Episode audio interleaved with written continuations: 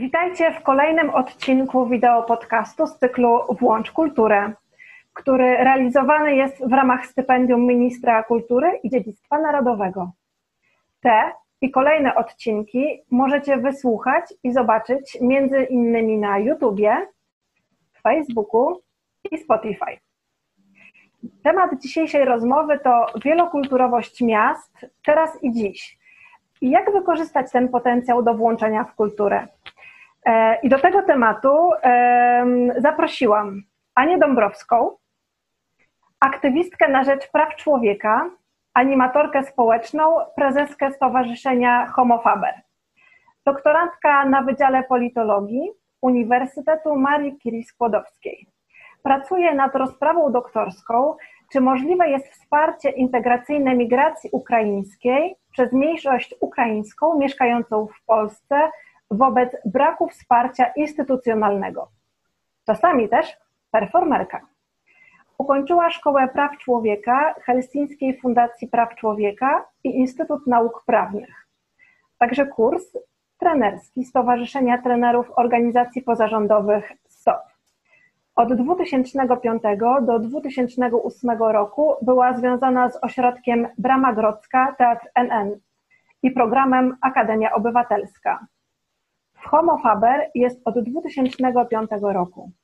Od 2011 jest tam prezeską stowarzyszenia. Koordynuje program Integracja, gdzie zajmowała się wsparciem integracji studentów i studentów zagranicznych przyjeżdżających do miast na studia. Obecnie skupia się na dorosłych imigrantach w programie Niewidzialni Mieszkańcy oraz na lobbowaniu w Urzędzie Zmian sprzyjających integracji. We wrześniu tego roku z jej inicjatywy powstanie pierwsza w Lublinie Komisja Dialogu Obywatelskiego do spraw integracji imigrantów i migrantek. Z ramienia Homofaber jest także członkinią Rady Programowej Sieci Organizacji Pozarządowych przeciwko handlowi ludźmi, koordynowaną przez Fundację La Strada. Jest także członkinią Stowarzyszenia imienia profesor Zbigniewa Hołdy. Cześć Aniu. Dzień dobry. Drugim gościem e, jest Olga Storbiecka-Rozmiarek, z wykształcenia socjolożka i antropolożka kulturowa.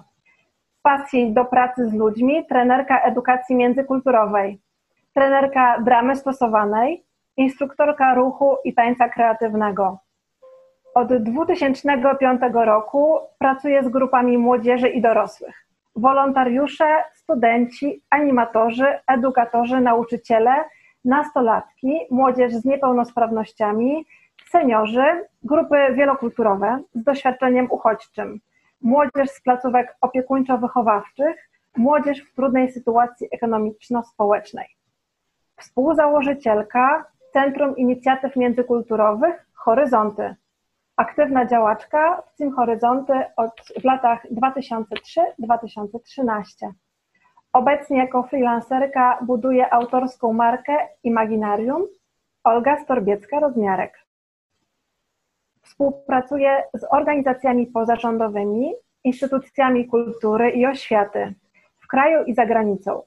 Aktywna członkini Stowarzyszenia Praktyków Dramy Stop Klatka, trenerka dramy drugiego stopnia. Tworzy i realizuje autorskie programy edukacji kulturowej na rzecz aktywizacji młodzieży i społeczności lokalnych w obszarze budowania relacji, rozwijania, potencjału twórczego, edukacji międzykulturowej, różnorodności, edukacji antydyskryminacyjnej, aktywności obywatelskiej. Dbając o swój rozwój zawodowy, systematycznie szkoli się i korzysta z superwizji trenerskiej jest pasjonatką metodologii teatru uciśnionych. Jako jokerka Teatru Forum zrealizowała osiem interaktywnych spektakli Teatru Forum. Prywatnie miłośniczka dzieci, zwierząt, przyrody. Uwielbia podróże bliskie i dalekie, wędrówki po lesie, przytulanie do drzew, pływanie w jeziorach, rzekach, morzach. Uwielbia taniec spontaniczny i muzykę etniczną. Witaj Olga. Dzień dobry. E, dziewczyny, bardzo się cieszę, że przyjęłyście zaproszenie do tego wideo podcastu, którego celem jest przekazywanie wiedzy i doświadczenia animatorom społecznym, instruktorom kulturalnym, osobom, które chciałyby mm, włączać w działania kulturalne osoby i grupy wykluczone, bądź grupy, które są narażone na wykluczenie. I takim pierwszym pytaniem, w sumie taką prośbą do Was jest próba przybliżenia e, definicji pojęć migrant, migrantka, obcokrajowiec, cudzoziemiec, cudzoziemka, uchodźca, uchodźczyni, mniejszość narodowa, mniejszość etniczna. Bo mm, z mojego doświadczenia, z różnych rozmów, projektów, wynika, że mhm. osoby, które nie są blisko związane z tym tematem wielokulturowości, często mylą lub błędnie, zamiennie używają tych pojęć. Czy mogłybyście w prosty sposób wyjaśnić, jakie są różnice między tymi pojęciami? Aniu? Dobrze, to zacznijmy od początku. E, mhm. Jeśli chodzi o w ogóle ruchy ludzi, e, to mogą być ruchy wewnątrzpaństwowe, czyli takie migracje wewnętrzne, gdzie ludzie przemieszczają się, na przykład porzucają często swoje swoje małe miejscowości czy wsie i migrują do miast. To są te migracje wewnętrzne. No ale oczywiście są też te migracje zewnętrzne związane z przekraczaniem granic. No i tutaj mamy cały wachlarz różnych możliwości, bo możemy emigrować, czyli wyjeżdżać ze swojego kraju, możemy imigrować. Czyli to jest ten moment, w którym przyjeżdżamy e, do jakiegoś nowego kraju. E, w końcu możemy reemigrować, czyli powracać e, do kraju, z którego dawniej wyjechaliśmy. E, natomiast jest jeszcze to, z tych pojęć, e, które użyłaś, jest jeszcze uchodźstwo. Jest to sytuacja, w której jesteśmy zmuszeni e, sytuacją polityczną najczęściej do tego, żeby z tego kraju właściwie uciec, dbając o swoje zdrowie i życie, swoje zdrowie, życie, mhm. e, zdrowie, życie swoich, e, swoich najbliższych, swoich dzieci. Więc imigrant jest to taka osoba, która e, przyjeżdża do nas. Emigrant to jest ten, który wyjeżdża. Natomiast jest jeszcze to pojęcie mniejszości. Mniejszość narodowa to jest, to, to słówko narodowa wskazuje na to, że jest jakiś naród, który, do którego E, ta, ta grupa czuje jakąś szczególną bliskość. E, z mniejszości narodowych w Polsce mamy innymi mniejszość ukraińską, białoruską, litewską, e, rosyjską. To są wszystko mniejszości, które funkcjonują w obrębie naszego państwa, natomiast kulturowo, językowo, religijnie często e, są związane z innym państwem. Natomiast jeśli chodzi o mniejszość etniczną, no to tutaj nie mamy państwa, do którego by czują bliskość osoby związane z tą, e, z tą mniejszością. Raczej jest to, to kwestia właśnie bardziej kulturowo, językowa, czasem religijna. Na przykład e, taką grupą są Romowie, którzy mieszkają mhm. w Polsce. Mhm. I w sumie nie mają też swojego państwa, bo mhm. ten naród jednak też jest określony jakimiś granicami i terenem. E, I z grup etnicznych w Polsce możemy też e, powiedzieć o Ślązakach, o Kaszubach, czyli o naszych wewnętrznych grupach, które też mają jakąś swoją indywidualną identyfikację. Chciałam jeszcze nawiązać do, super to wszystko nie zebrałaś, e, tak słuchając tych definicji e, takich bardzo po ludzku, e, bo to faktycznie jest ważne, pomyślałam w kontekście uchodźstwa, że ta sytuacja polityczna, to tak nawiązując do sytuacji właśnie dzisiejszej, często jest związana z kryzysami i wojną i wynikającymi z nich olbrzymimi kryzysami społeczno-ekonomicznymi. E, czyli że to jest y, sytuacja przymusowego opuszczenia swojego kraju, do którego najczęściej te osoby marzą o tym, żeby jak tylko się poprawi, bo w to bardzo wierzą, e, da się wrócić. E, I w takiej sytuacji tak, mamy na przykład grupę Czeczenów w Polsce, bądź oczekujących na granicy na to, żeby, żeby na przykład w Polsce się znaleźć, olbrzymie grupy, fale migracji w związku z, z wojną w Syrii.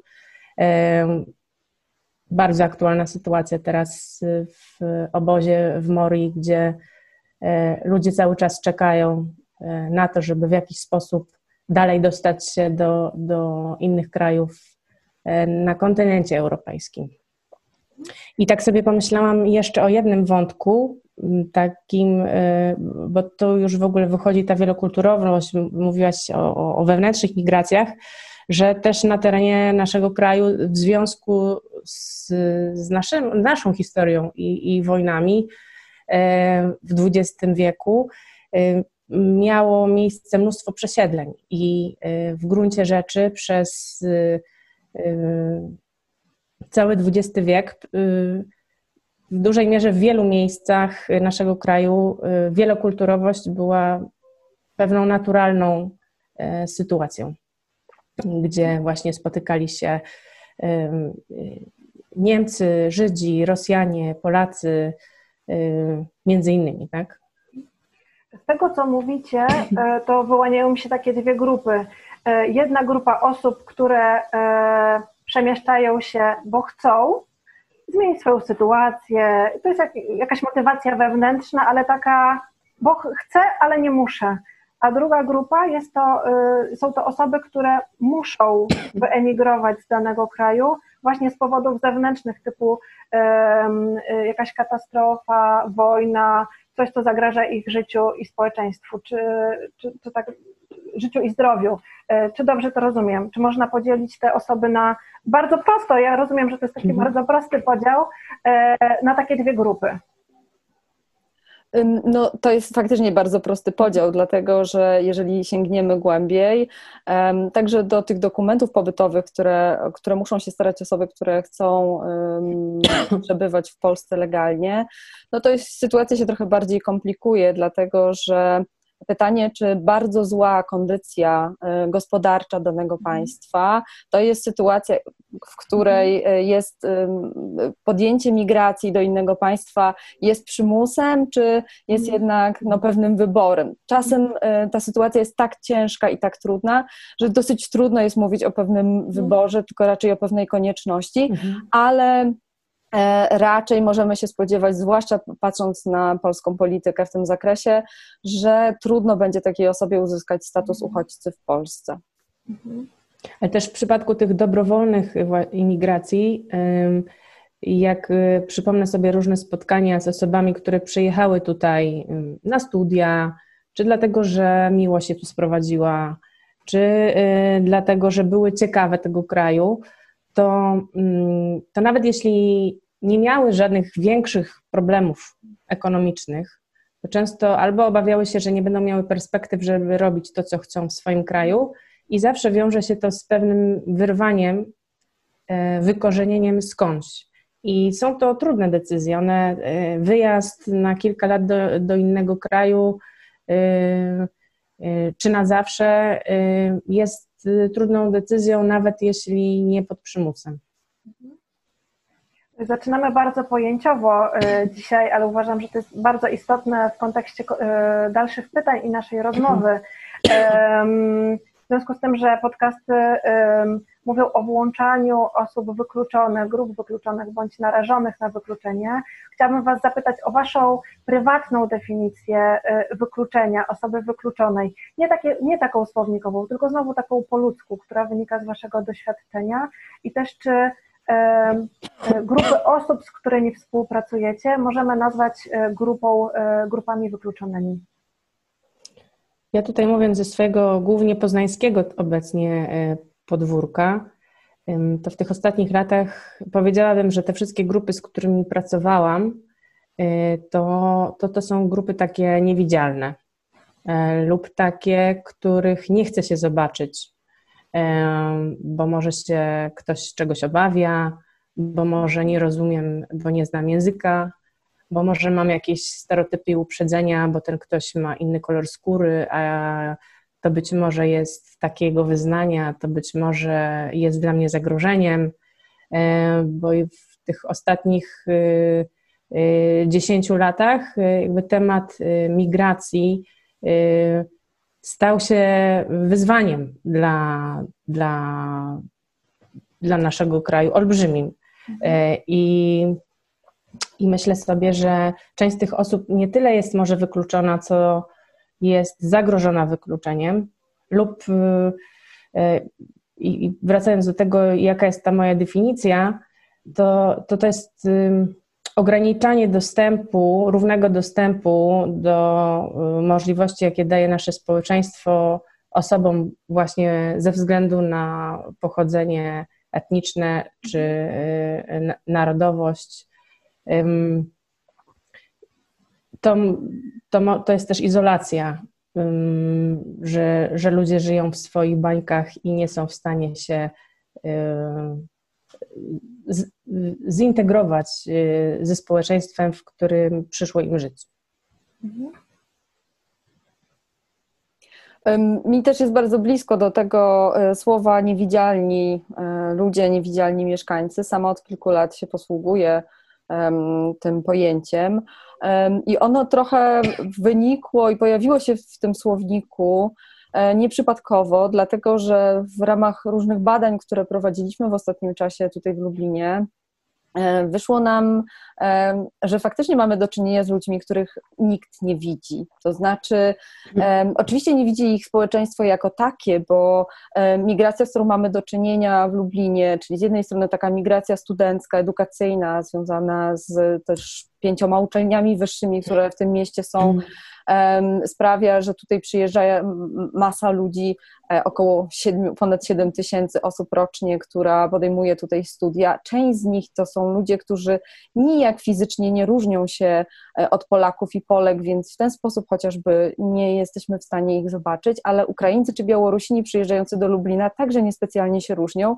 Do momentu, kiedy często e, się nie odezwą, to, to, to właściwie są znowu tą grupą niewidzialną. Natomiast kwestie społeczne to jest, to jest jedno, natomiast to, co nas bardziej interesuje, to jest takie wykluczenie systemowe na poziomie instytucji publicznych, których zadaniem jednak jest tworzenie przestrzeni do tego, żeby wszyscy ludzie w równym stopniu mogli korzystać e, z tych dobrodziejstw, które e, czy, czy to świat administracji publicznej, e, czy to świat kultury, czy to świat edukacji powinien zapewnić. I ja pamiętam kilka takich sytuacji, w których się okazywało, że mamy do czynienia z absolutną niewidocznością, jeśli chodzi o o migrantów. W 2010 roku przeprowadziliśmy taki monitoring instytucji publicznych, które stoją na drodze cudzoziemca, cudzoziemki, którzy chcą zalegalizować swój pobyt w Polsce. I to są lubelskie instytucje, mhm. które,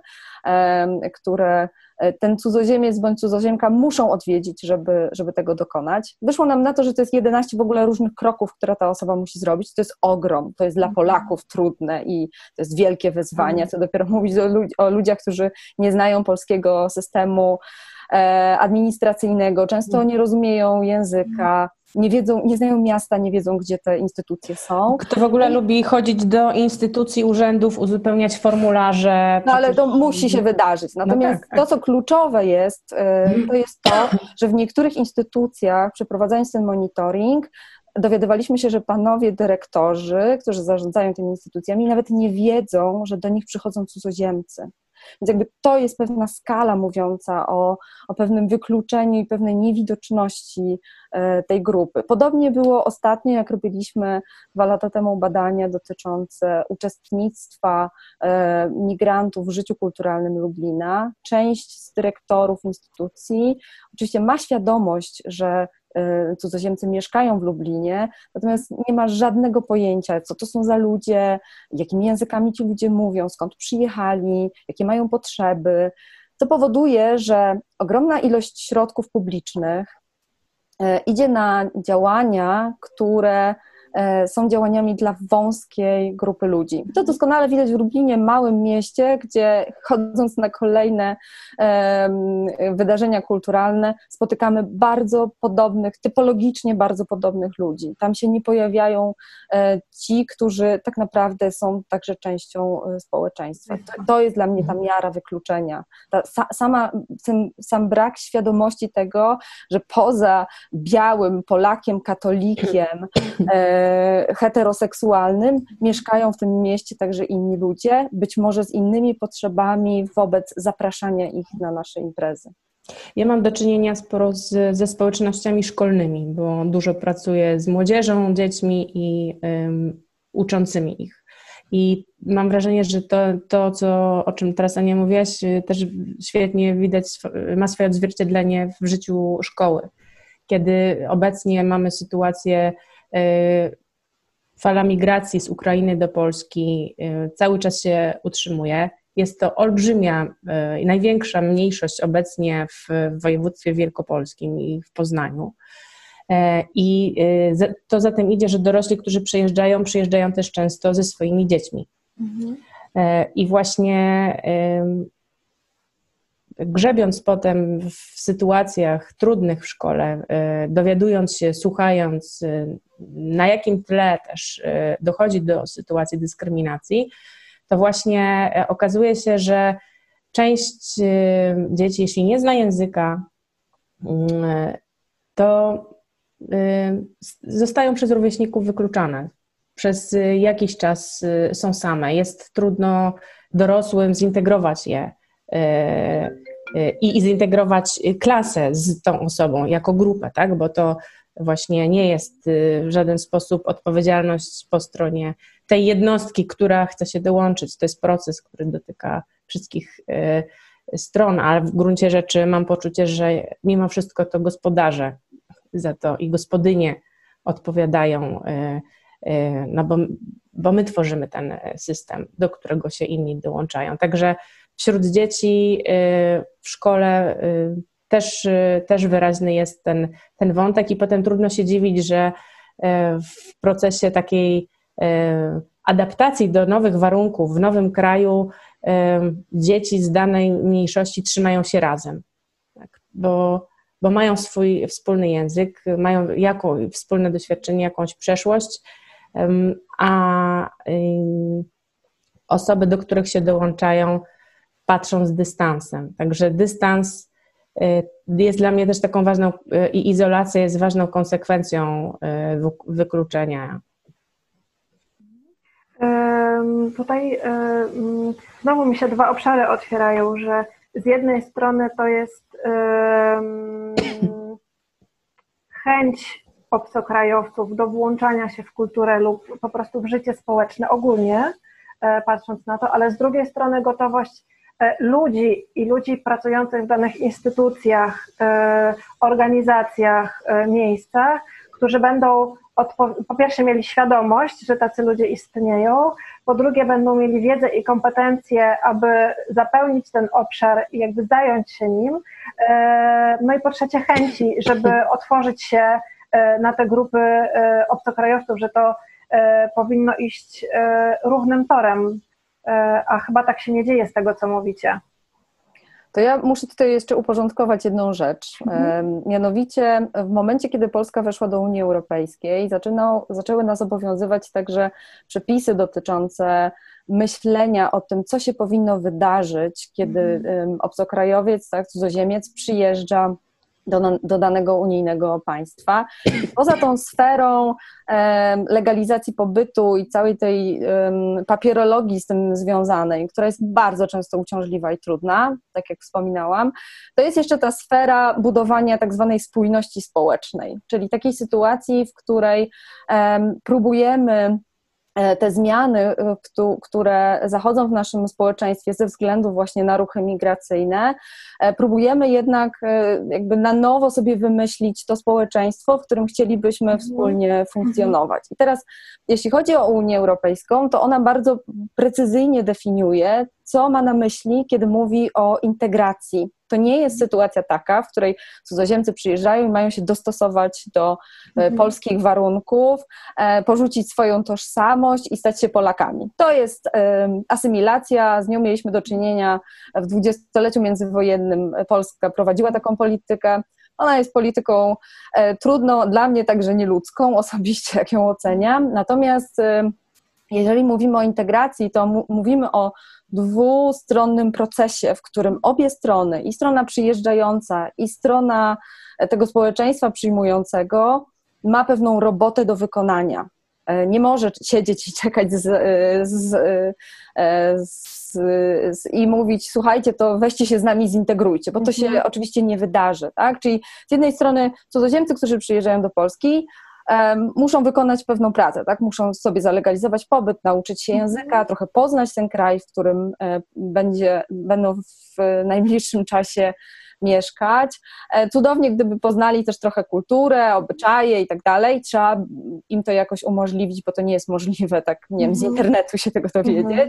Natomiast z drugiej strony to społeczeństwo przyjmujące też ma całą masę rzeczy do zrobienia. Między innymi powinno też trochę poznawać e, tą kulturę ludzi, którzy przyjeżdżają e, do tego kraju. I wtedy będziemy mogli mówić o tym, że jakieś procesy, takie sensowne procesy, które mają nam właśnie budować bezpieczne i spokojne społeczeństwo, w którym będziemy potrafili razem ze sobą funkcjonować, będzie mogło e, się tak naprawdę wydarzyć. I dopiero kolejnymi częściami jest projektowanie e, różnych przestrzeni, które tą integrację mogłyby wspierać. W moim odczuciu te instytucje kultury są wspaniałymi przestrzeniami do tego, żeby mogło się to, mogło się to wydarzać. Też y, ważna ta relacja, że właśnie z dwóch stron to płynie i jest wymiana. Żeby to nie było na zasadzie, że tak, mniejszość dostosowuje się do większości. Mhm.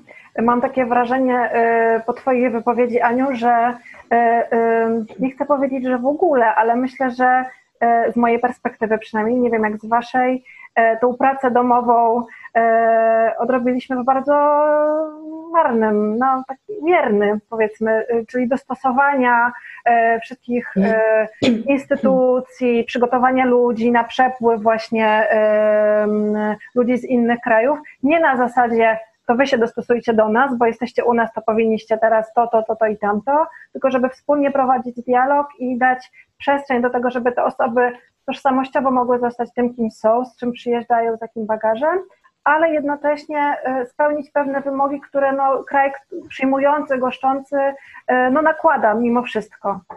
Myślę, to że gdyby spojrzeć y, na to tak globalnie w skali kraju, to, by, to się z Tobą Magda zgodzę. Y, bo chociażby gdyby pomyśleć o tym, ilu y, uchodźców i uchodźczyń przyjęliśmy, były pewne zobowiązania, nie zostały w ogóle wypełnione. Natomiast z drugiej strony nie chciałabym mieszać wszystkich do tego jednego worka, ponieważ jest szereg instytucji, organizacji pozarządowych, organizacji kultury, które robią tą robotę bardzo świadomie, bardzo konsekwentnie. Tylko problem właśnie polega na tym, że ponieważ e, odgórnie jest momentami brak wsparcia, to to wszystko idzie znacznie wolniej i trudniej niż by mogło, bo przychodzi mi na myśl sam fakt właśnie e, integrowania się z mniejszością ukraińską w Poznaniu. Od wielu lat, y, przez wiele lat Centrum Kultury Zamek y, y, wraz z ukraińską wiosną organizowali wydarzenia kulturowe, kulturalne i edukacyjne po to, żeby dać głos tej grupie, po to, żeby właśnie ci tak zwani my lokalsi moglibyśmy poznać. Powstało Migrant Info Point w Poznaniu, takie centrum dla osób przyjeżdżających, gdzie od strony prawnej, psychologicznej i również edukacyjnej osoby mogą dostać wsparcie, obojętnie skąd by nie przyjechały. Nie było takich instytucji i takich narzędzi na poziomie rozwiązań właśnie instytucjonalnych krajowych. I tu znowu wychodzi taka słabość, że to jest praca u podstaw i często oddolnie ludzie, którzy to zauważają i są na to wrażliwi, zaczynają to robić. I mam to szczęście, że e, poznałam ludzi, którzy zakładali Migrant Infopoint, e, natomiast wiem, jaką trudną pracę przez wiele lat e, wykonywali, żeby utrzymać to, co robią i żeby to rozwinąć. To mm, no to jest niezwykle trudne. Centrum Inicjatyw Międzykulturowych Horyzonty też realizuje na bieżąco różne działania wokół różnorodności międzykulturowej po to, żeby lokalsów oswajać z, z tym, w cudzysłowie zjawiskiem migracji, gdzie w sumie no, jest ono naszą codziennością. I zastanawiam się też nad tym, czy trochę nie jest tak, że u nas w samym języku jest już dosyć negatywne nastawienie, bo mówimy cudzoziemiec, obcokrajowiec, czyli przyjeżdża ten obcy, przyjeżdża ten cudzy. To rodzi taką z gruntu dychotomię my, oni, e, i za tym mam wrażenie w głowie nawet zupełnie nieświadomie idzie wiele postaw bardzo e, negatywnych i takich niesprzyjających integracji. To ja jeszcze sobie pozwolę wrzucić takie kulisy tego, o czym mówiła Olga, bo to nie jest przypadek, że w ten sposób e, w Polsce dzieją się, właściwie w każdym mieście w bardzo podobny sposób dzieją się te procesy e, wspierania integracji cudzoziemców i cudzoziemek. Otóż e, jak przystępowaliśmy do Unii Europejskiej, to Polska nie miała żadnej polityki migracyjnej ani żadnej polityki integracyjnej. Dokumentu, który by wskazywał z jednej strony, jakich e, obcokrajowców będziemy przyjmowali do Polski, na jakich e, zasadach, a z drugiej strony, co z nimi zrobimy, jak już oni tutaj przyjadą. W 2013 roku dopiero powstała, powstał dokument Polska Polityka Migracyjna, stan obecny i postulowane działania, który był takim bardzo ogólnym e, dokumentem, Właściwie wytyczne dotyczące tego dokumentu zajmowały tylko jeden akapit, mówiący o tym, że właściwie cała, e, całe działania e, projektowane, e, które mają służyć integracji, będą opierały się o program, europejski program SOLID, czyli taki ogromny program finansowy, który powstał w 2005 roku w Komisji Europejskiej i faktycznie on rozdysponowywał środki na działania integracyjne we wszystkich państwach członkowskich. Polska wtedy w 2007 roku po raz pierwszy rozdysponowała także środki między siebie i to beneficjentami tego, e, tego mechanizmu finansowego stały się organizacje trzeciego sektora, polskie organizacje, które wzięły na siebie trud e, pro, prototypowania tak naprawdę różnych rozwiązań na poziomie lokalnym. Trochę mm, próbowały różnych rzeczy, trochę, trochę podpatrywały to, co się dzieje w innych mhm. państwach europejskich i na tym poziomie budowały. Mhm swoje pierwsze działania integracyjne. I właściwie od tego czasu nic się nie zmieniło, poza tym, że w 2017 roku minister Błaszczak e, odwołał ten dokument, powiedział, że on już jest nieważny i będziemy teraz e, pracować nad nowym dokumentem. Tego do, nowego dokumentu wciąż nie ma, więc jedyny tak naprawdę przez te wszystkie lata system, który w jakiś sposób by konstruował te działania integracyjne, to były europejskie fundusze, mhm. za pomocą których polskie organizacje pozarządowe tworzyły programy e, integracyjne. Także, tak jak Olga powiedziała, nie ma żadnego E, systemu, żadnego też myślenia na poziomie rządowym, na poziomie ogólnopolskim, jakby taki system integracji mógł funkcjonować. Robi się to ad hoc, za cudze pieniądze trochę, e, no w sumie nasze, bo też jesteśmy w Unii, ale jakby Polska nie dokłada do, do, do tego funduszu specjalnie, nie wspiera organizacji, poza tym, że rozdyspo, rozdysponowuje tymi środkami, więc tak naprawdę te, te działania, oczywiście teraz są coraz bardziej spójne, bo też nauczyliśmy się w tym funkcjonować, natomiast tego wsparcia odgórnego nie ma i jest to ogromna bolączka. I myślę, że to dłużej nie może tak funkcjonować mhm. też. Tyle, że jakby mnie bardzo martwi, niepokoi ten, y, ta, ten kierunek i ta strategia, ponieważ wycofanie czegoś takiego jak właśnie już, już, już zrobionej jakiejś ustalonej polityki migracyjnej, to jest duży krok y, y, wstecz i mam poczucie trochę, że to jest też jeden z mechanizmów mm, wykluczania.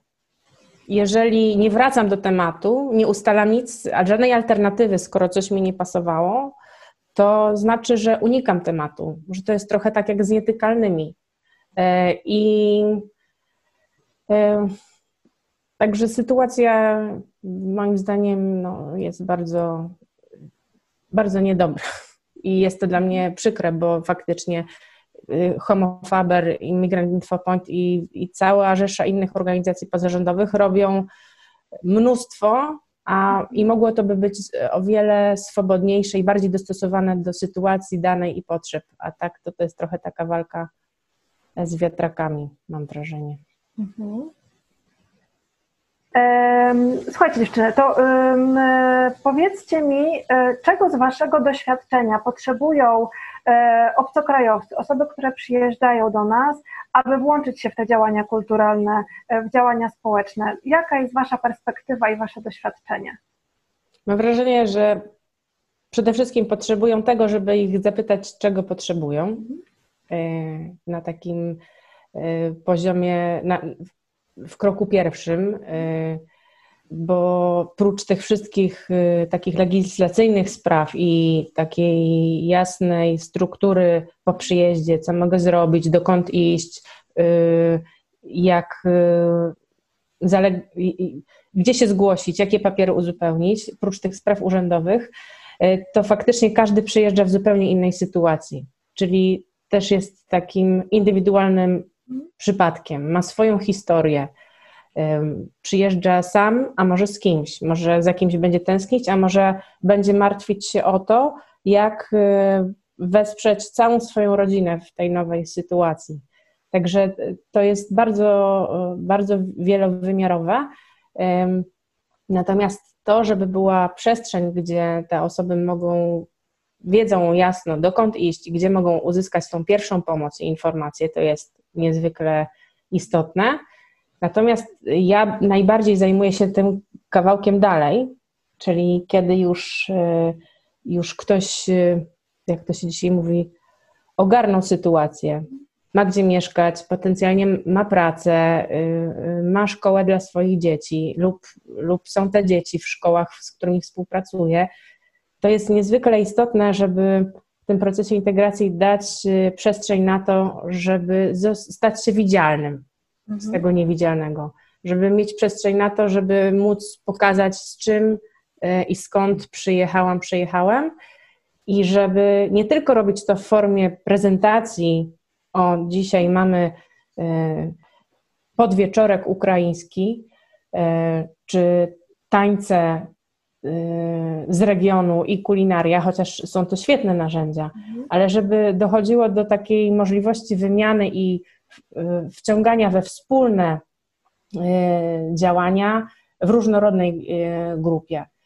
Wspólne działania, które byłyby odpowiedzią na to, co jest moją pasją, z czym, czym chcę się dzielić w społeczności lokalnej, do której przyjechałam, przyjechałem, lub co rozwijać.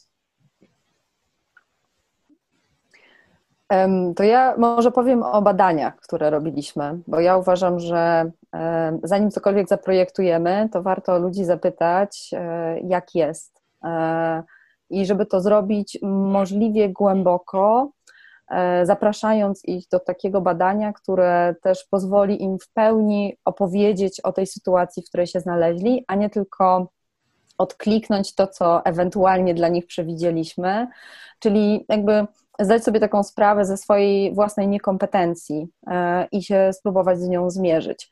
E, badania, które zrobiliśmy w Lublinie, były badaniami trzystopniowymi, tak naprawdę. Nie będę teraz w całości ich opowiadać, natomiast chciałam e, jakby z drugiej strony zacząć tą historię, czyli jakby opowiedzieć o ludziach, z którymi mamy do czynienia tutaj na miejscu, w tym momencie, w tym 2000 2020 roku. Otóż e, z badań nam wyszło, że 41% e, osób, które w nich wzięło udział, nie wie, gdzie znajdują się instytucje kultury. Mhm. I to jest potężna liczba, e, jak sobie zdamy sprawę z tego, że tych instytucji kultury w Lublinie jest 11, mhm. że one generują bardzo dużo różnych wydarzeń, że właściwie od 2010 roku E, Lublin przede wszystkim stawia w swojej polityce takiej wewnętrznej na budowanie tego potencjału e, kulturalnego miasta. Mhm. Druga ważna dana jest taka, że 79% cudzoziemców, którzy mieszkają w Lublinie, doświadczyło w ciągu ostatniego roku aktów nietolerancji. I ta liczba z jednej strony jest potwornie wielka, ale ona nam mówi nie tylko o E, o, o, tym, że faktycznie kogoś spotkało coś strasznego w przestrzeni publicznej, E, ale mówi nam też o tym, być może, skąd się biorą te blokady, dlaczego ludzie nie docierają ostatecznie na na przykład wydarzenia kulturalne, bo być może w ogóle się boją w tej przestrzeni funkcjonować, może tak skonstruowaliśmy tą przestrzeń, że ona nie jest tak naprawdę przestrzenią wspólną, nie jest taką przestrzenią, w której ludzie czują się bezpiecznie i mogą spokojnie wieczorem zabrać swoje dzieci i pójść na, na jakieś przedstawienie czy, czy jakiś film, mimo że być może jest tam Mm, duża ochota. Natomiast y, z tych barier, które się pojawiły w tych naszych badaniach, to są tak naprawdę cztery takie pola, z którymi musimy sobie jakoś poradzić, zanim w ogóle zaczniemy zastanawiać się, jak tych ludzi do siebie zapraszać. Pierwsze pole, i to jest coś, o czym najczęściej mówili nasi respondenci i respondentki, to jest właśnie to poczucie niezaproszenia. Ludzie w ogóle nie czują się zaproszeni do tego, żeby w w tej kulturze, e, która dzieje się w Lublinie, e, uczestniczyć. I z jednej strony to jest właśnie to, że no, ta przestrzeń jest nieprzyjazna i tych aktów tolerancji oni doświadczyli albo znają kogoś, kto, kto ich doświadczył, natomiast z drugiej strony to zaproszenie, które idzie e, na plakatach, ulotkach, to jest coś, co absolutnie nie dociera. E, I tu może być kilka powodów tego. Może być powód taki, że jest niezrozumiały język, ale może sama konstrukcja zaproszenia, taka kulturowa, ten kulturowy wdruk w język jest nie do rozszyfrowania jako zaproszenie. Druga kwestia, która się pojawiła, no to jest taka kwestia czysto techniczna, czyli to, że e, imprezy w Lublinie często są zbyt drogie e, dla uczestników, ale jak popytaliśmy głębiej, to się okazywało, że E, oni nie do końca wiedzą, ile tak naprawdę kosztują te, e, te, te, wydarzenia. E, no, my się zdziwiliśmy i dlatego zaczęliśmy drążyć, bo wiemy, że wydarzenia w Lublinie często są darmowe albo jest to zupełnie symboliczna opłata. Więc okazywało się, że oni tak naprawdę nie wiedzą, ile to kosztuje, ale wyobrażają sobie, patrząc na skalę i rozmach mhm. często, że to jest na pewno bardzo, bardzo drogie. I pewnie też to, jak wyglądają te instytucje, bo tak tak. sobie o Centrum Kultury e, e, w Lublinie, no to to jest odnowiony budynek, który może sprawiać wrażenie, że wydarzenia dziejące się tam to mogą być drogie. Mhm. E, to jest w ogóle jeszcze jedna kwestia, o której zaraz jeszcze powiem. Trzecia rzecz to jest oczywiście język i że to jest jakaś blokada. No i czwarta to jest ten brak czasu i to jest coś bardzo ważnego z punktu widzenia też projektowania działań, które mogłyby być wspólnotowe dla wszystkich, mhm. czyli to kiedy zrobić takie wydarzenie, żeby była szansa, że ci cudzoziemcy, których tak bardzo chcielibyśmy zaprosić, faktycznie będą mieli szansę przyjść. Otóż większość osób, które e, mieszka w Lublinie też mieszka w większych miastach, myślę, że to też dotyczy Poznania, e, to są ludzie, którzy przyjechali tutaj do pracy. Oczywiście oni po 2014 roku, jeśli mówimy o migracji ukraińskiej, to przyjechali z całymi rodzinami, bo to był też taki moment, kiedy ta migracja bardzo mocno się zmieniła, jeśli chodzi o, o ich myślenie w, w perspektywie czasu, o tym, gdzie tak naprawdę chcieliby mieszkać. Natomiast e, jak się zbada, jak oni pracują, to to jest często praca więcej niż 8 godzin w, ty, w, ciągu dnia. To jest też praca często w systemie zmianowym, więc okazuje się, że tak naprawdę ten moment, w którym moglibyśmy im coś zaproponować, to jest niedziela po południu. I teraz musimy to tak zaprojektować z kolei, mając w głowie, jak wygląda życie rodzinne, że oni muszą w tym uczestniczyć z rodzinami. To znaczy nie, nie przyjdą, jeżeli nie będzie zapewniona na przykład opieka nad dziećmi, albo nie będą mogli uczestniczyć, że to wydarzenie nie będzie rodzinne, mhm. tak? Bo dla nich ten czas to jest ten moment, kiedy oni mogą się spotkać mhm. ze swoimi dziećmi. I teraz ta trzecia, ta ostatnia rzecz, o której ty wspomniałaś, o której ja powiedziałam, że dopowiem, to jest te, ta magia progu przejścia. To jest coś, z czym my się spotykaliśmy od samego początku, jak, jak, jak tam spotykaliśmy się z pierwszymi cudzoziemcami. To jest to, że często budynki też organizacji pozarządowych czasami, ale rozmawiamy o kulturze, więc te budynki są trudne, one są trudne do wejścia, to znaczy tak. one są takie piękne i takie odnowione i takie błyszczące i odmalowane, że ludzie się wstydzą tam wejść.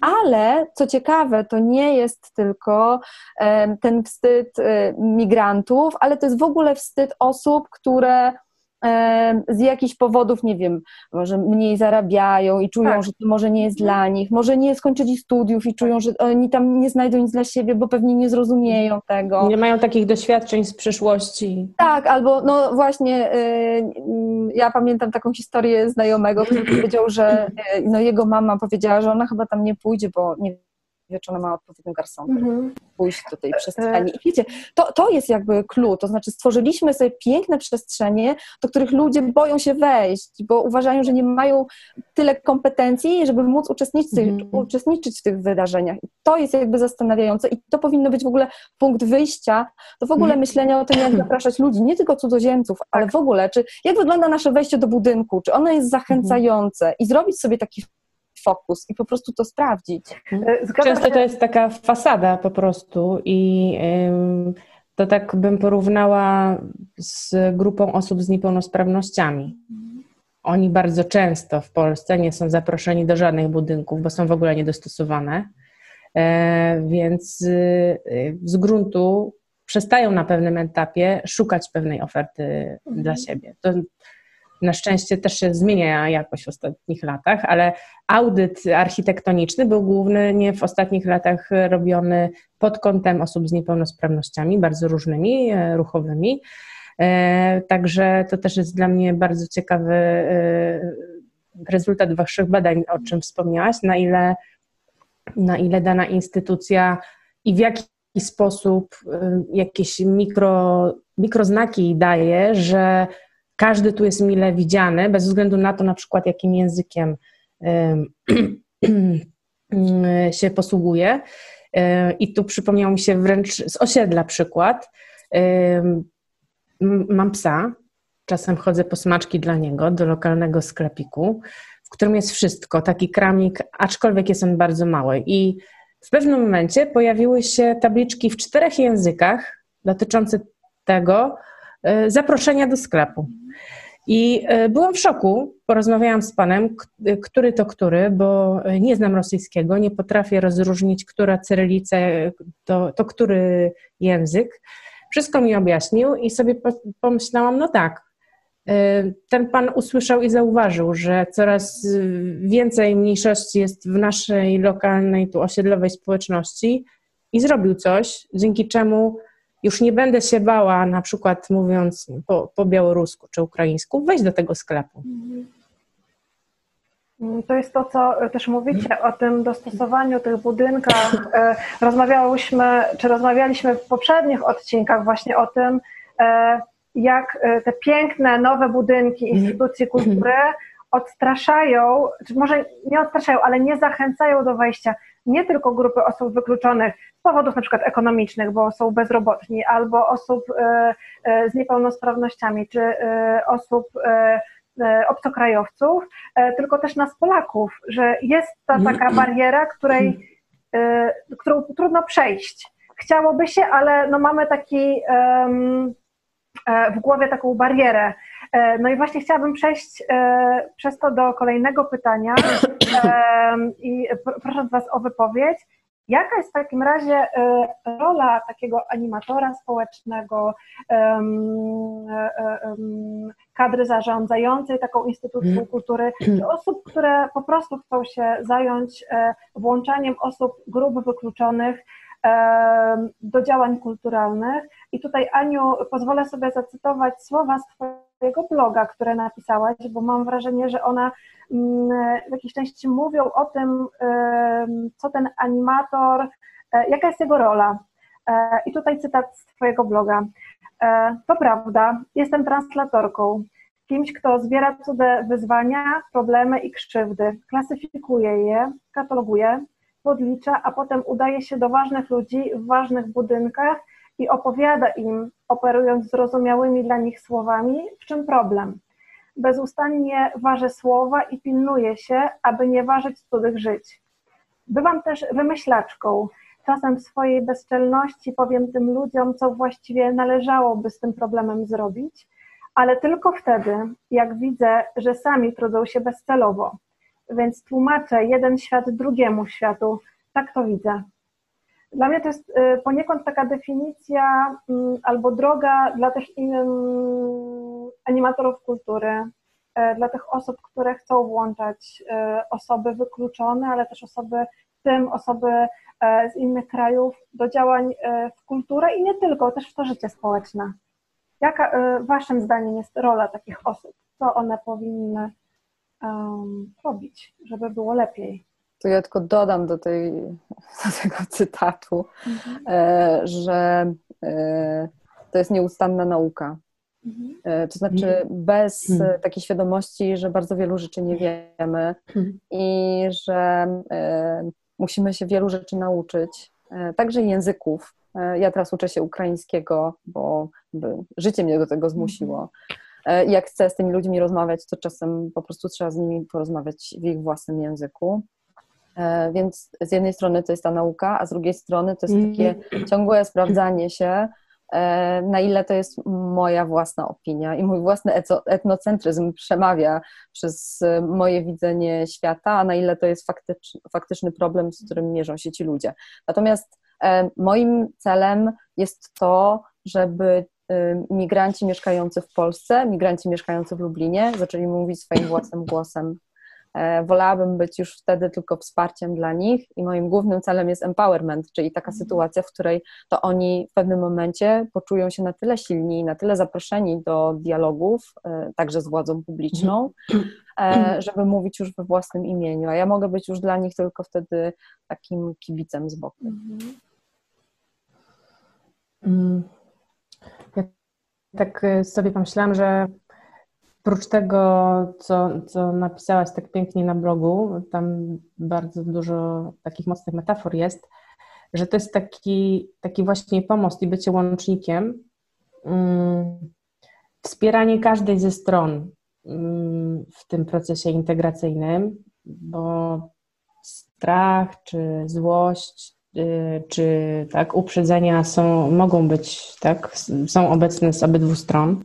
I to jest takie na, tworzenie przestrzeni do dialogu i współtworzenie tej przestrzeni z, z, z osobami przyjeżdżającymi y, z innych krajów do nas. I właśnie mm, i reagowanie też na sytuację bieżącą. I tutaj pomyślałam, żeby to tak zilustrować jedną, jednym doświadczeniem aż nie mogę uwierzyć, że to był 2016 rok. Teraz szybko sprawdzałam po mailach, kiedy to robiłam z Marią Lebiodą, między nami sąsiadami, mm, w ramach działań Centrum Inicjatyw Międzykulturowych Horyzonty. I była taka sytuacja w Horyzontach, że jako, że głównym celem CIM Horyzonty jest właśnie budowanie dialogu międzykulturowego, między innymi poprzez program europejskiego wolontariatu, gdzie przyjeżdżają wolontariusze z różnych krajów, realizują warsztaty międzykulturowe w szkołach. I szkoły zaczęły y, prosić i, dzwonić, dopytywać, czy możemy coś zrobić w sprawie y, y, sytuacji, tematu uchodźcy, uchodźstwo, uchodźczyń, gdzie był to okres, gdzie najczęściej tak stała się ta grupa naszym społecznym wrogiem uchodźca równa się terrorysta. Nauczyciele, nauczycielki wrażliwi na to, chcieli coś z tym zrobić, ale nie wiedzieli, nie wiedzieli co. I jednym z działań, które podjęliśmy, to było właśnie y, utworzenie grupy między nami sąsiadami, gdzie odkryliśmy, że w sumie tak, horyzonty działają na Łazarzu, na Łazarzu jest też między Muzułmańskie Centrum Kulturalno-Oświatowe, które zresztą też doświadczało wielu aktów agresji przemocy w tym czasie. Było atakowane. Że czas może na to, żeby właśnie tak lokalnie, bardzo po sąsiedzku pokazać, czym jest Muzułmańskie Centrum Kulturalno-Oświatowe i że tam można zdobyć rzetelną wiedzę na temat e, e, tej religii, na temat kultury i zrozumieć, że nie można robić takiego znaku równości. I mieliśmy grupę z całego świata, mm, która w tym temacie działała. Mieliśmy społeczność z MCKO i to było takie długofalowe działanie. Oczywiście trudne jest to, no nie byliśmy w stanie y, y, y, włączyć w to całej społeczności poznańskiej, tak? Ale to jest też taka, tak, to, to jest czasochłonny proces. Udało się kilkadziesiąt dzieciaków zaprosić na warsztaty ze szkół. Udało się ze społecznością łazarską zrealizować wiele spotkań, żeby pokazać, że ta różnorodność niekoniecznie musi być trudna, a wręcz przeciwnie, ma olbrzymi potencjał i że w gruncie rzeczy w wielu aspektach jesteśmy bardzo podobni do siebie. I, i tak jak mówiłaś, Ania, o tym empowermencie, to miałam wrażenie, że właśnie między innymi osoby, y, które włączyły się ze społeczności muzułmańskiego Centrum Kulturalno-Światowego, czuły, że nie są same w okresie, w którym mieszkanie w Polsce zaczęło być dla nich bardzo trudne, e, bo zaczęli doświadczać e, różnych aktów e, nietolerancji ze strony ludzi z Poznania. I, a jednocześnie miało to wymiar swój globalny, ponieważ mieliśmy i człowieka z Ameryki Południowej w naszym zespole, i z Azji, i to pokazało, że jakby ta różnorodność dotyka każdego z nas, bez względu na to, skąd przyjechał. A to, co nas tu połączyło, to to, że jesteśmy w jednym miejscu i, i że chcemy coś z tym tematem zrobić. A między nami sąsiadami było też jakąś odpowiedzią na to, yy,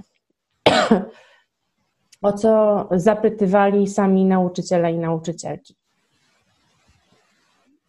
Powiedzcie, e, czy mm, z Waszego doświadczenia albo ludzi, z którymi współpracujecie, organizacji, e, zdarzyło się, że jakieś działanie kulturalne, bo wyobrażam sobie, no, czyli nawet nie trzeba sobie wyobrażać, że kultura działa na metaforze, na pewnych symbolach. E, czy zdarzyło się, że wydarzenie kulturalne, działanie kulturalne było inaczej odczytane przez obcokrajowców niż, niż przez Polaków. W tym sensie nie mówię negatywnym, złym, tylko e, było jakieś działanie skierowane do społeczności lokalnej danego miasta e, i okazało się, że obcokrajowcy jakoś inaczej je odczytali, coś się takiego zadziało.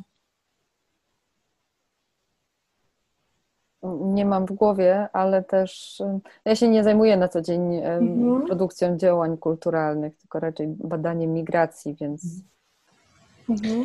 Tak właśnie grzebię w historii i mam wrażenie, że, że dużo częściej y, spotkałam się, nie potrafię przywołać mhm. takiej sytuacji. Dużo częściej przychodzi mi na myśl przychodzą mi na myśl nietrafione inicjatywy, mhm. jeśli właśnie nie zostały wcześniej zbadane potrzeby. Mhm. Lub trudnością było to, że z jednej strony bardzo wiedzieliśmy, że jest to bardzo potrzebne zajęcia takie dotyczące y, szoku kulturowego i właśnie informujące o, o, o tych różnych instytucjach kultury, możliwościach tego, w jaki sposób Y, poznawać y, miejsce, ludzi. Y, I trudnością było to, o czym Ania już mówiła, czyli czas. Czyli jeśli przyjeżdżam i mam, jestem sterana po pracy, po sześciu dniach pracy, albo może nawet pracuję siedem dni w tygodniu, to ja po prostu pierwsze co robię, to dbam o siebie i zostaję w domu, żeby odpocząć. I nie jestem w stanie, lub żeby być sam na sam ze swoją rodziną przez chwilę i porozmawiać swobodnie w swoim języku, niż na jakieś super arcyciekawe spotkania kulturalne. I, i bardziej tu widzę mhm. taką, taką realną trudność. W gruncie rzeczy mam poczucie, że w tym komunikowaniu swoich wydarzeń już y, edukatorzy, edukatorki, animatorki są bardzo dobrzy. Mhm. Y, tak to widzę. Okej, okay. czy y, Waszym zdaniem, troszeczkę też o tym już mówiłyście na początku naszego spotkania, są jeszcze obszary włączania obcokrajowców, cudzoziemców w działania kulturalne, którymi E, należałoby się zaopiekować. Jakbyście mogły wymienić tak maksymalnie trzy, bo myślę, że tych obszarów mhm. może być więcej, tak sobie wyobrażam. E, ale takie maksymalnie trzy najważniejsze Waszym zdaniem obszary, którymi warto by było się przyjrzeć, zająć, które są jeszcze tak Waszym zdaniem niezadbane do końca. Mam takie wrażenie, że przybliżanie dziedzictwa kulturowego ludzi, którzy do nas przyjeżdżają, mhm. to we mnie w ogóle budzi taką dużą ciekawość y, osobiście, ale że właśnie tu widzę jakiś kierunek, żeby jak najwięcej też pokazywać z różnych dziedzin kultury to całe bogactwo, które reprezentują osoby, z którym przyjeżdżają. No, dla mnie to bardziej jest budowanie takich przestrzeni, w których e, w instytucjach kultury mogą się pojawić e, migranci, twórcy i twórczynie. To znaczy taka sytuacja, w której nie są tylko już tą widownią, biernie patrzącą na to, co mamy im do zaoferowania, ale e, korzystając ze swoich zasobów, które przywieźli albo nabyli już tutaj, mogą być także właśnie tymi, którzy wytwarzają sytuacje artystyczne.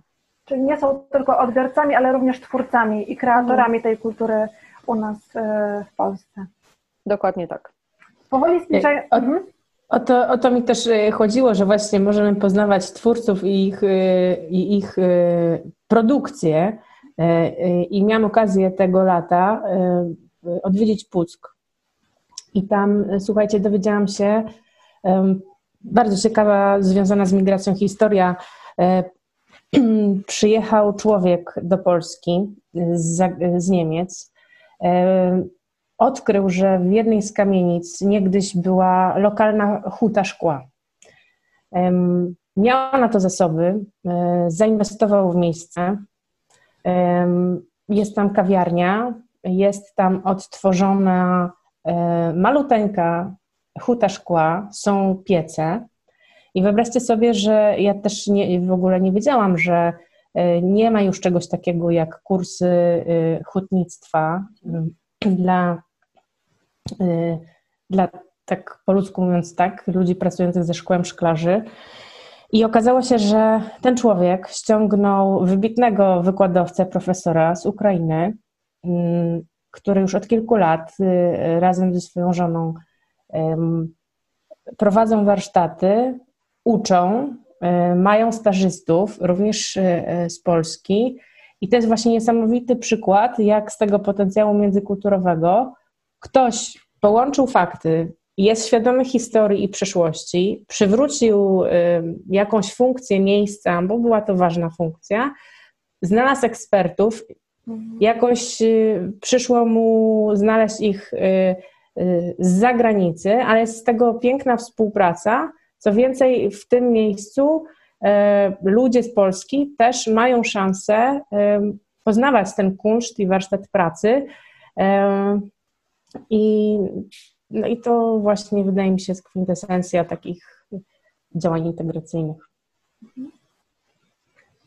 Mhm. W związku z tym, że wideo podcasty są głównie kierowane do właśnie, tak jak już wspomniałam, animatorów, osób, które chcą pracować na rzecz włączania grup e, wykluczonych bądź narażonych na wykluczenie w działania kulturalne. E, na sam koniec, jakbyście dziewczyny mogły się podzielić jakimiś takimi wskazówkami, radami e, z osobami, które dopiero będą zaczynać tą drogę, albo które już mają pewne doświadczenie, ale chciałby nabyć, nabyć nowe doświadczenie i kompetencje. Czy możecie się podzielić? Odpowiadając na to pytanie, um, przywołałabym tą historię, którą przed chwilą mhm. powiedziała Olga, dotyczącą właśnie tego odtworzenia tego zakładu szkolarskiego, tej mikrohuty, e, żebyśmy nie upupiali cudzoziemców i żebyśmy nie wsadzali ich w te nasze ciasne gorsety stereotypów i wyobrażeń, czym oni powinni się zajmować jako twórcy i twórczynie kultury. Czyli żebyśmy nie mieli takich oczekiwań, że Ukraińcy będą z radością gotowali nam barszcz i tańczyli hopoka, a, e, a Niemcy jodłowali na przykład, tak? Tylko żebyśmy mieli dużo więcej otwartości wobec tego, e, co mogą mhm. nam proponować. Natomiast jeśli chodzi o takie bardzo. I dali im wolny wybór też i inicjatywę. Tak. Natomiast jeśli chodzi o takie bardzo konkretne rzeczy, to zanim powiem takie totalne tipy, co, co, na co powinno się zwrócić uwagę i co można by było mhm. wprowadzić już na teraz, to chciałam zauważyć jeszcze e, dwie rzeczy. Jedna to jest myślenie procesem. To nie jest tak, że wprowadzimy pewne rozwiązania i za dwa tygodnie pojawi nam się tłum cudzoziemców, którzy będą z radością uczestniczyli w naszych wydarzeniach kulturalnych czy naszych wydarzeniach społecznych. To tak się nie dzieje. E, musimy E, wypracować sobie tą swoją publiczność i tą swoją i tą publiczność jakoś do siebie przekonać, więc nie warto się poddawać po dwóch próbach e, nieudanych czy średnio udanych, e, tylko kontynuować tą pracę przez dłuższy czas. Natomiast druga kwestia, E, to jest e, to, że nie ma instrukcji obsługi cudzoziemców i nie jesteśmy w stanie podać e, jednego czy dwóch zasad, dzięki którym tych cudzoziemców z łatwością włączy się i zaprosi. Ci ludzie pochodzą z bardzo różnych e, obszarów kulturowych, z bardzo różnymi doświadczeniami przyjeżdżają do Polski, też z bardzo różnymi doświadczeniami, jeśli chodzi o ich uczestnictwo w kulturze w kraju pochodzenia. Czasami jest tak, że przyjeżdżają do nas ludzie, którzy mają pewien nawyk korzystania z kultury.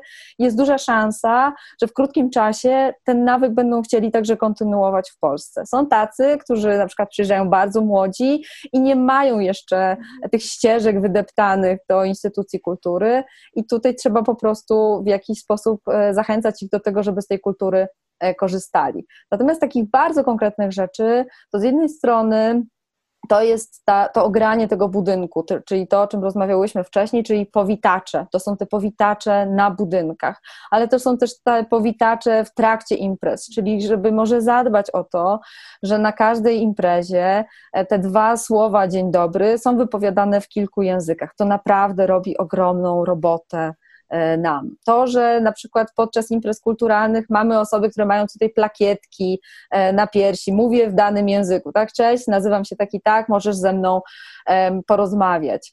E, no i oczywiście plakaty, czyli to, żeby na plakacie było napisane, że nawet jeżeli nie mówisz po polsku, możesz przyjść na to wydarzenie spokojnie, wszystko zrozumiesz, albo że są, że są napisy, tak, albo że film jest po angielsku, więc i ma polskie napisy, więc zapraszamy osoby, osoby, które mówią e, w danym języku. Te plakaty też mogą być wielojęzyczne, w zależności od tego, e, jakie grupy e, językowe mieszkają w naszym, w naszym mieście.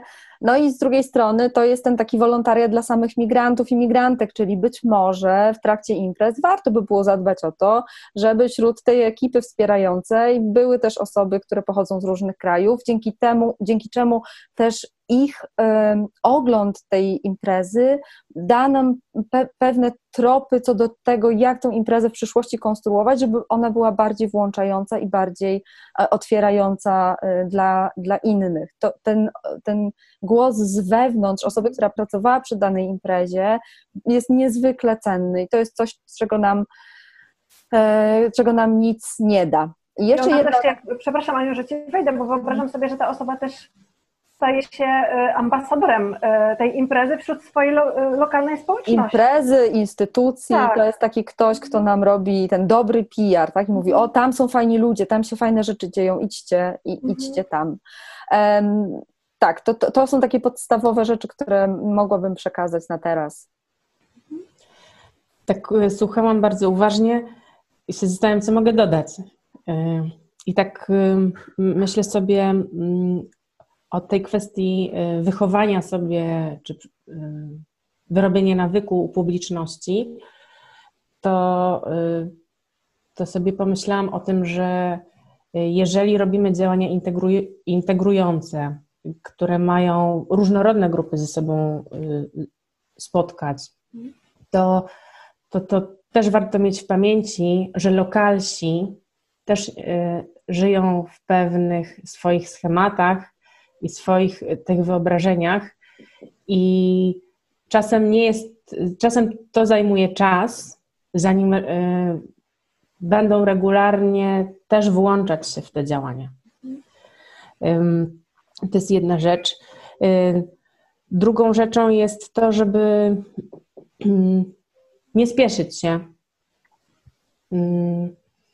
tylko dać czas temu procesowi i i zainwestować w budowanie relacji z tymi, którzy już na przykład chcą na wolontariat, czują potrzebę, żeby i gotowość, żeby być tymi ambasadorami, stawać się nimi w procesie i żeby z nimi konstruować, a nie dla nich i za nich. I chyba, czyli to jakby znowu wracamy do tego, że niekoniecznie muszą być to artyści, artystki, ale mimo wszystko twórcy, współtwórcy danych y, wydarzeń y, dla społeczności lokalnej. I, I chyba jeszcze jedna rzecz, żeby właśnie nie y, też zapytać, w którym momencie jeśli mamy jakąś wizję, że ludzie sami mają też mówić za siebie swoim głosem o sobie, to jak, jak do tego momentu dojść? Bo, bo też trudno, trudna jest sytuacja, kiedy ktoś świeżo tak przyjeżdża, czy mamy, wiemy wszyscy, że jest tak mniejszość romska, chcemy się tutaj zintegrować, to tak, zapraszamy i teraz wy mówcie o sobie, a my słuchamy. To, y, żeby nie, nie działać w tej dychotomii my oni, żeby uważać z momentem takiej ekspozycji społecznej, bo do tego się dochodzi, że trzeba zbudować zaufanie i takie poczucie bezpieczeństwa i sprawdzić, kto ma na to ochotę, bo nie każdy lubi wychodzić na forum i i się prezentować. Siebie, czy swój kraj, czy tak obyczaje, tradycje. Mm. A to, do czego zachęcam, to to, żeby na wielu polach podkreślać y, y, i szukać też podobieństw. To była chyba jedna z jednych z pierwszych rzeczy, którą, której się nauczyłam jako początkująca edukatorka międzykulturowa. Mm, pamiętam, że z takim starszym opiekunem y, y, ze Szkocji rozmawiałam y, w związku z tym, że robiliśmy wymianę międzynarodową dla Szkotów z rodzin uzależnionych od narkotyków, dla młodzieży z Polski, z, Polski, z wsi, z wychowanków domu dziecka młodzieży z, z wsi na Cyprze, którzy pierwszy raz wyjechali za granicę i Hiszpanów z małej wioski, gdzie też w większości nikt nigdy nie wyjeżdżał za granicę, że po prostu warto zobaczyć, że może na pierwszy rzut oka z zewnątrz to my się bardzo różnimy fizjologii, fizycznie,